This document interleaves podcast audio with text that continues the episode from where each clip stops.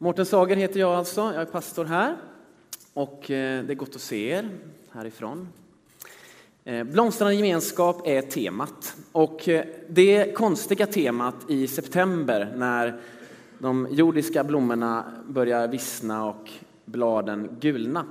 Det kommer från Jeremia bok, profeten Jeremia som talar till Guds folk som har deporterats, förvisats till Babylon och eh, där eh, sitter och tjurar lite grann. Längtar tillbaka till Jerusalem och eh, då får de höra från Jeremia att Gud säger till dem, ni ska vara här fullt ut. Bygg hus, plantera trädgårdar och var här och få den här staden att blomstra.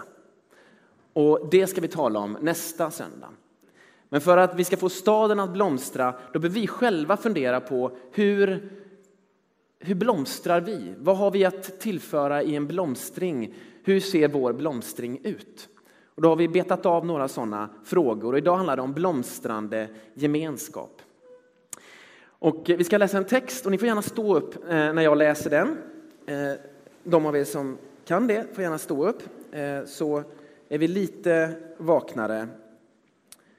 Och det är från Matteus 18, 15 20. Matteus 18, 15 till 20, sidan 693 i de här biblarna som ligger i kyrkan.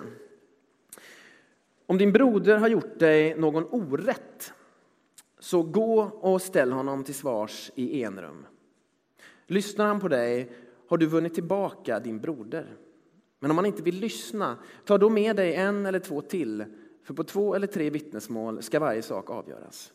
Om han vägrar lyssna på dem så tala om det för församlingen. Vill han inte lyssna på församlingen heller, betrakta honom då som en hedning eller en tullindrivare. Sannerligen, allt ni binder på jorden ska vara bundet i himlen och allt ni löser på jorden ska vara löst i himlen. Vidare säger jag er, allt vad två av er kommer överens om att be om här på jorden, det ska de få av min himmelske fader. Ty där två eller tre är samlade i mitt namn är jag mitt ibland dem. Gud, låt oss få fatt i hur vi kan vara med varandra så att vi kan spegla det himmelska. Så att vi kan vara en återspegling av dig och ditt liv här i vårt liv. Amen. Varsågoda och sitt. Det har kommit lite klagomål om att det är för lite geometri i kyrkan. Eh, Eh, så därför ska vi börja med lite hjärngymnastik. Eh, geometri är ju läran om, om former och rummet. Och eh, då kan man ägna sig åt geometri på klassiskt vis på en sån här plan yta. Om jag ska förbinda den från topp till botten så kan jag göra det med ett rakt streck så här. Och ska jag förbinda den från sida till sida så kan jag göra det så här. Det här är klassisk euklidisk geometri som jobbar med en platt yta så här, tvådimensionell. Och eh, det finns andra sätt att jobba med ytor också. Eh, Einstein till exempel, han jobbade med ett krökt rum, en rund geometri, icke-euklidisk geometri. Och om jag ska förbinda eh, topp och botten här så kan jag dra ett streck så här på Karinas pilatesboll. Vet ni det, att hon tränar pilates på den här? Ehm, då ser det ut så. Men det märkliga med den här runda rymden, det är att när man drar ett sånt streck och man fortsätter det, då kommer det tillbaka där det började. Och på vägen så har liksom sidorna förbundits och topp och botten förbundits. Så att samma raka streck, fast det är rakt på ett böjt sätt, om ni förstår, det förbinder alla de här punkterna, topp och botten och sida och sida. Det här är också då skiftet från Newtonsk fysik och kosmologi till Einsteins fysik och kosmologi. Eh, skulle man kunna säga väldigt, väldigt förenklat. Ni behöver inte komma ihåg Euklides eller icke-euklidisk geometri. Ni behöver inte komma ihåg Einstein eller Newton. Men den här bilden säger oss någonting om hur vi delar in livet ibland. Alltså, ibland är det så att vi gör det andliga till någonting. Någonting mellan mig och Gud. Och så det mellanmänskliga, det ligger här. Är ni med? Så på söndagen tar vi tag i detta. Och sen kommer vi till jobbet eller hem och då är vi här. Och så skiljer vi på de två riktningarna. Och så försöker vi få dem att gå ihop ibland. Här. Så. Och så eh, är det svårt. Och det är lite konstigt egentligen, därför att Jesus, som den här kyrkan är eh, fokuserad på, inriktad på. Jesus, han jobbar mycket mer så här.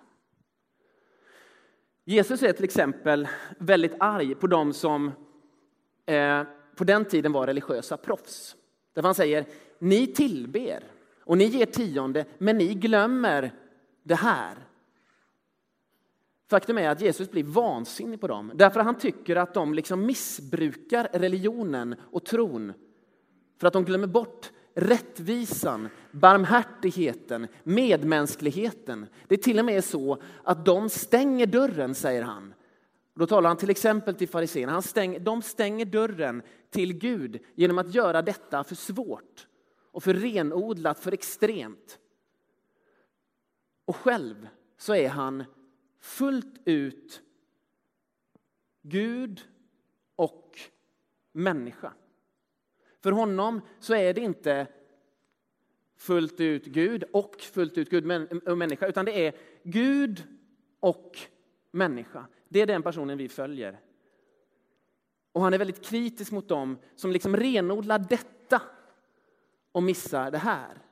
I den här texten idag så börjar han i det här. Och så böjer han liksom till det. Han visar att det här är inte bara här, utan det här mellanmänskliga, alltså, det horisontella, det böjer upp i en vertikal riktning. Den här texten som handlar om konflikter, den börjar med konflikten, den börjar med det lägsta. Här har vi det lägsta.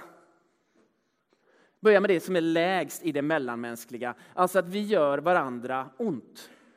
Om någon har gjort dig orätt, om någon har förfördelat dig, om någon har kränkt dig, trampat på dig. Där börjar han. Och så börjar han väldigt mellanmänskligt. Han börjar faktiskt precis som vilken kropp och själ-spalt som helst i vilken veckotidning som helst. Han säger det mest grundläggande man kan säga när det finns en konflikt. Prata med varandra. Prata med varandra. Så enkelt och så svårt. Eller hur? För vi hade ju väl velat, eller jag hade kanske hellre velat att han sa gå och prata med din pastor. Eller gå och prata med din chef. Gå och prata med din hyresvärd eller din bostadsrättsförening. Gå inte direkt till din granne, för det är jobbigt. Gå inte direkt till din broder eller syster och prata, för det är jobbigt. Därför då visar du ju att du är känslig. Då visar du ju att du kan bli sårad att du har känslor och gränser. Så det kanske vi inte vill göra. Men han säger till oss, gör det. Börja där. Och så ger han oss två steg till om inte det funkar, om det kör ihop sig. Så ska man involvera någon man har förtroende för och så ska man involvera hela det sammanhang man finns i, församlingen eller vad det kan vara. Och jag tycker det är intressant att Jesus är så påtaglig, så rak när det kommer en sån fråga. Han glider inte undan. Den här gången berättar han inte en liknelse om en herde eller en man eller en kvinna och några slavar eller en kung, utan det är prata med varandra. I'm sorry, det finns inga bra andra vägar. Prata med varandra. Och sen lägger han till någonting som är mer än mellanmänskligt. Alltså han börjar i en sån rörelse, men så lägger han till någonting. Som att linjen inte är helt rak. Han lägger till någonting som jag behöver få tillagt när jag pratar med en annan människa som jag tycker har gjort mig orätt. Märker ni vad det är han lägger till? Märker ni det i texten, vad han lägger till? Alltså, det börjar med att någon har gjort mig orätt och så lägger han till någonting som går uppåt. Jag är nämligen sån att om någon har gjort mig orätt och jag går in i ett samtal om den konflikten, då är det någonting här uppe som sätter igång att jobba. Ett räkneverk sätter igång att jobba. Jag blir otroligt noggrann plötsligt, jag kan inte hjälpa detta, jag blir otroligt noggrann plötsligt med hur mycket orätt någon har gjort, hur mycket rätt någon har gjort, vem som gjorde orätt först, vems fel det är, hur mycket mycket fel någon har gjort. Det där räkneverket sätter igång och jag ska bara få det rätt. Jag vet inte om någon känner igen sig, men det upprättas liksom ett plus och minusblad inne i huvudet om man vill vinna till slut. Man vill vinna över den andra. Man vill vinna debatten. Men det är inte det Jesus säger här. När du går in, ja visst, du går in för att någon har gjort dig orätt. Det börjar liksom med ett plus och minus. Men när du går in där, vad är huvudsyftet för Jesus? Jo, du ska vinna den andra. Du ska återvinna den andra, du ska försonas med den andra. Den andra är alltid syftet, att vinna den andra. Inte vinna över den andra, inte vinna debatten, vinna den andra. Återställa relationen. Och detta, det går liksom åt det hållet. Åt det himmelska hållet. Därför när vi människor sätter igång och inte blandar in Gud, inte blandar in nåd, inte blandar in anden, då blir det väldigt lätt liksom något slags nollsummespel. Vem har mest rätt? Vem har mest fel? Vem var först?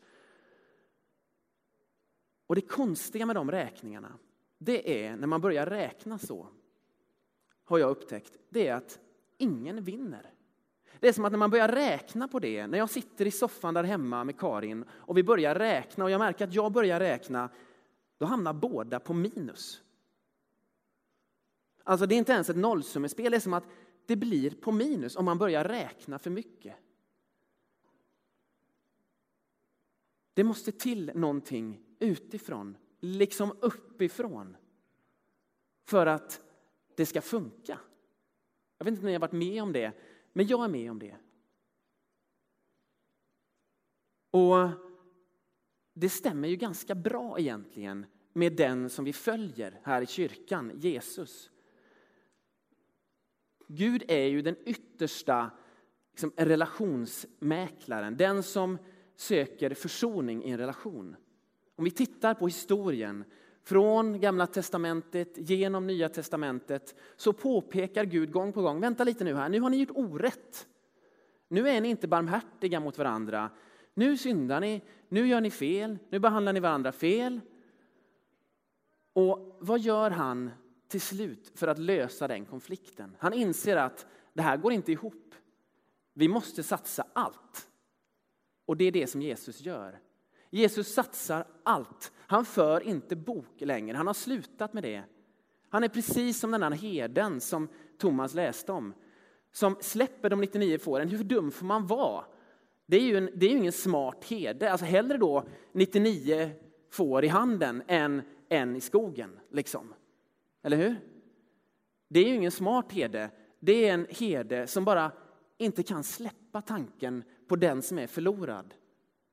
Precis så som vi borde tänka när vi är i en konflikt. Göra allt för att vinna den personen och släppa räkningen.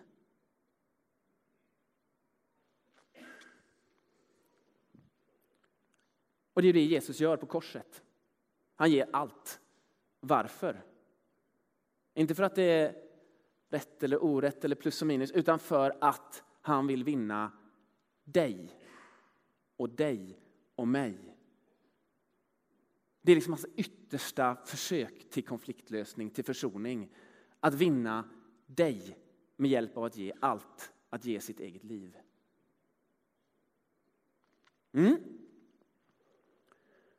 Nu kan man lyssna på detta och så kan man tänka, ja men det, Det är goda råd i konfliktlösning. Det, det, det, det här är, det, det ligger någonting i detta. Det är både intressant och det är relevant. Men då kommer följdfrågan, var någonstans är det här relevant i ditt liv? Och så kan vi tänka, hmm, ja, men jag har den där killen på jobbet, där skulle jag behöva använda lite av detta. Och så tänker man kanske på någonting där hemma. Hur många av er, om ni ska tänka på en konflikt eller på konflikter, hur många av er hamnar här? Hur många av er hamnar bland människor i det här rummet eller i den här församlingen? Alltså hur mycket konflikter har vi här egentligen? Det kan ju vara så att vi inte har speciellt mycket konflikter här. Och det kan vara något positivt. Det kan vara något bra att vi inte har det, för att vi är så otroligt kärleksfulla mot varandra. Att vi är så bra att ta tag i saker innan det blir en konflikt. Så kan det ju vara. Och, och så är det säkert ibland. Det kan ju också vara så att vi inte kommer varandra så nära så att det uppstår några konflikter. Hemska tanke. Kan det vara så att vi ibland inte har någonting att göra upp med någon annan för att vi inte gör varandra vare sig rätt eller orätt. Vi gör ingen skillnad i varandras liv. Så kan det vara också. Det är inte på ett sätt. Vi är många här inne, vi är många här utanför som också lyssnar på detta. Vi finns på olika platser. Vissa har varit i husgrupper eller bönegrupper och i relationer i den här församlingen i 30, 40, 50 år. Har varit igenom konflikter, försonats och har det med sig som en gemensam station på en gemensam resa och står starkare på grund av det. Och kan se det som en rikedom, kan skämta om det där som vi var oeniga om då. Och det tillför någonting, att man har varit igenom det. Det vet alla som har en relation där man har varit igenom det. Det är en otrolig styrka. Att ha liksom mött varandras olikheter, olika prioriteringar, olika sätt att uttrycka sig och så tagit sig förbi det, igenom det, vunnit tillbaka varandra.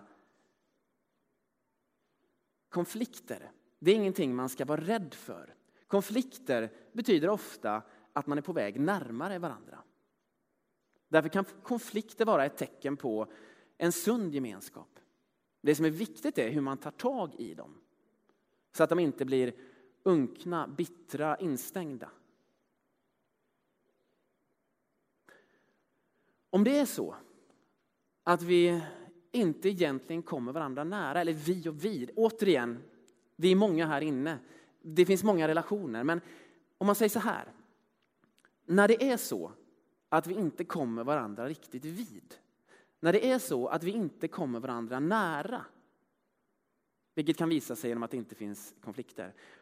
När det är så, då går vi miste om någonting. Ja, enligt Jesus i den här texten så går vi miste om två enorma löften i verserna 18 och 19.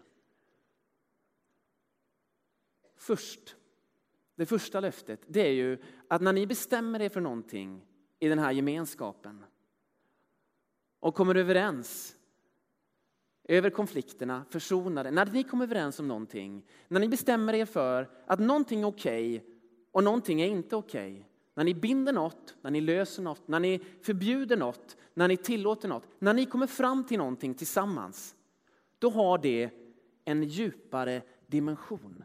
Då är det som att det rör sig på flera plan. Det är inte bara mellan er. Det är som att det sträcker sig upp till himlen eller in till himlen eller var den nu är. Men det finns en djupare dimension av det som bestäms i en sån gemenskap. Det händer också i himlen. Liksom. Det händer inte bara här. Det här är inte allt. Det finns någonting annat bredvid. Och när ni kommer överens om någonting, då händer det också i himlen. Vad är himlen? Himlen är ju Guds vilja. Det är som att då stämmer det ni gör med Guds vilja och Guds vilja stämmer med det ni bestämmer. Otroligt konstigt. Eller? Det är ju en enorm makt som är given församlingen på det sättet. Eh, det är ett otroligt löfte som måste behandlas ödmjukt och ömsint så att det inte blir fel. Men det står som det står, det är en möjlighet om vi verkligen blir gemenskap.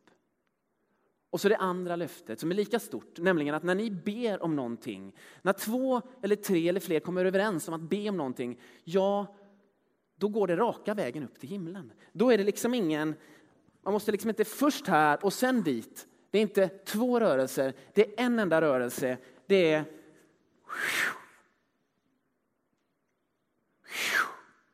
när vi ber. Och det säger Jesus att det är. Och ibland så känner vi inte det.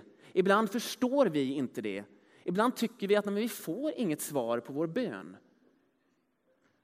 Men det finns ju ett visst glapp där mellan våra planer, vår förståelse och Guds förståelse och Guds planer. Så att vi inte alltid liksom ser det på det direkta sätt som vi vill. Men han säger att det går raka vägen upp. Och bönesvaren de kan dröja. De kan se annorlunda ut än vad vi har tänkt.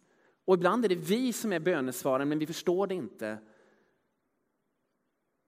Men löftet är sådant att om ni verkligen söker varandra och är ärliga mot varandra och verkligen är gemenskap på riktigt, då, då går det raka vägen upp till himlen. Så är teorin. Hur är verkligheten? Bara, bara sätta lite kött på de orden, det löftet. Vad kan det betyda? Det kan betyda till exempel att jag är väldigt tacksam för att när jag kom hit, ungefär då när Thomas beskrev, Han hamnade utanför kyrkdörren här och gick in och bad med tre äldre gentlemän. Eller ja, du var ju yngre då. Nu är du lite äldre, men då var du yngre. Um, ungefär då så blev jag tillfrågad av någon som frågade, vill du vara med i vår cellgrupp, som det hette då? Ja, okej. Okay. Det, det känns lite scary, men visst. Och så gick jag med där, i den gruppen. Jag åkte hem till en lägenhet. Och så mötte jag de här personerna som var med i den här cellgruppen. Och det konstiga där var att de här personerna Vissa kunde jag verkligen känna en närhet med. Vissa människor förstod jag mig inte på. Och vågar jag säga det, tyckte jag kanske inte ens om. Får man säga det?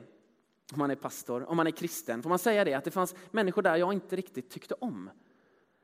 Men att det liksom inte gjorde någonting. Det visade sig att det gjorde ingenting. Därför att fokuset i den gruppen var inte jag och hon eller han. Utan det fanns liksom en krök på det där mellanmänskliga. Det var mer så här. Därför att vårt fokus var inte på vad tycker du, vad tycker jag, vem är du, vem är jag? Utan det var fokus på Jesus, på, på något himmelskt. Det var liksom det som bestämde de kvällarna. Och då fanns det plats för mig och henne och honom. Ännu mer faktiskt. Än om det bara hade varit, nu ska vi samtala och reda ut det här och få fatt i vilka vi är. Nej, men därför att fokus var uppåt så fick vi bättre plats. Och det skapades ett speciellt band mellan oss som jag inte kan förklara. Som är mystiskt, konstigt. Vi tycker om andra på ett annat sätt.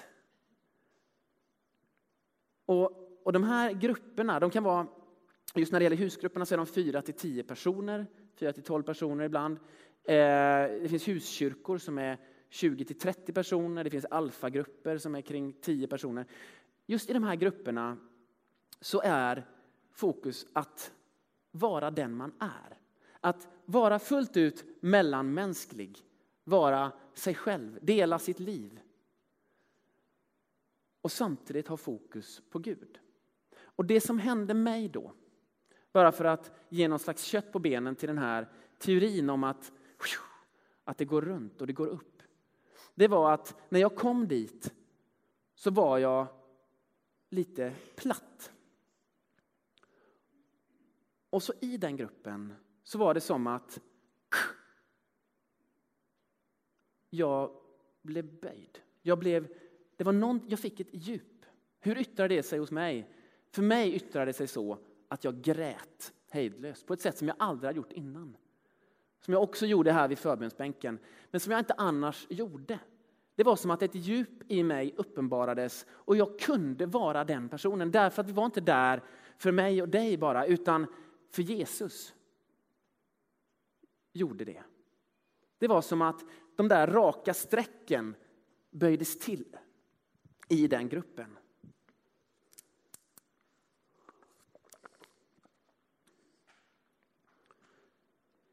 Hur kan, det bli, hur kan det bli så? Hur kan det bli så att de raka strecken i ens liv böjs till? Hur kan det bli så? Om man känner att det är så här, men jag går hit på söndagen och sen så har jag vardagen och de är skilda åt liksom. De korsar någon gång, men hur kan det bli så? Hur kan det bli så att när jag möter mina grannar så börjar jag plötsligt tänka på Gud? Så börjar jag plötsligt se dem som jag tror någonstans att Gud ser dem och längtar efter det som Gud längtar efter i deras liv. Hur kan det bli så? Hur kan det bli så att de här strecken inte är skilda åt utan att när jag är här på gudstjänst så ser jag Gud i er. Så tittar jag på er när ni firar nattvard. Jag erkänner det, jag tittar på er när ni firar nattvard ibland. Och det är inte bara er jag ser, utan jag ser er i något större. Liksom. Att vi är Guds familj. Hur blir det så? Hur blir det så att man i en konflikt på jobbet slutar räkna och tänker jag vill bara vinna denna människa. Jag vill försonas oavsett vad som är plus och minus här. Hur blir det så? Om vi går till Einstein först och sen Jesus sluta med Jesus. Men om vi går till Einstein först så säger han att ja, men Newton hade inte helt fel. Det finns raka streck, man kan räkna med raka streck. Men egentligen är strecken böjda. Men det är bara det, det syns inte riktigt alltid. Om man är väldigt långt ifrån en gravitationskälla. Alltså om man är långt ifrån typ solen eller någon gravitationskälla, då avtar den här rundningen som finns här på bollen. Då avtar den rundningen och så blir strecken väldigt raka så att de, det går att räkna bra med de här raka strecken. Hör ni? Alltså om man är långt ifrån en stark gravitationskälla som solen till exempel, då blir strecken raka. Men om man är nära en sån gravitationskälla, då blir de rundade. Då går det inte längre att se någon skarp skillnad mellan andligt och världsligt, gudomligt och mänskligt, då går det liksom runt. Hur hamnar man nära en gravitationskälla i kristen tro? Då går vi till Jesus. Då säger han, ty där två eller tre är församlade i mitt namn, där är jag mitt ibland dem. Där böjs linjerna. Där finns det inte längre någon skillnad mellan andligt och världsligt, gudomligt och mänskligt. När jag delar mitt liv med två eller tre eller fyra eller tio andra, då är Jesus mitt ibland oss och då blir allting påverkat av honom. Då ser jag inte längre skillnaden. Då mekar jag med bilen på jobbet till Guds ära. Då är jag här på gudstjänst och då dyker plötsligt min granne upp i en bön. När Jesus Kristus är mitt ibland oss.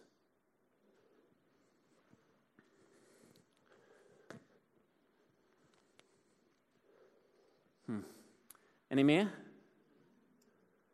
Det händer någonting när vi delar våra liv tillsammans i en liten gemenskap i Jesu namn. I Jesu namn, vadå i Jesu namn? Ja, alltså inte i mitt namn, inte i Mikaels namn, inte fokus på oss bara, utan fokus på Jesus.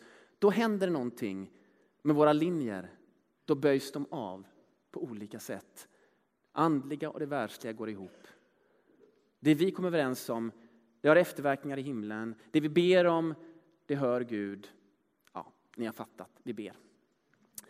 Gud, Eh, låt oss få fatt i detta. Låt oss öppna våra liv. Låt oss komma riktigt nära din gravitationskälla, din sol. Våra linjer är egentligen alltid lite böjda. Det finns inget rent andligt, det finns inget rent världsligt. Men låt oss ännu starkare få märka hur det går ihop. Hur det är en och samma rörelse. Hur det är ett och samma liv.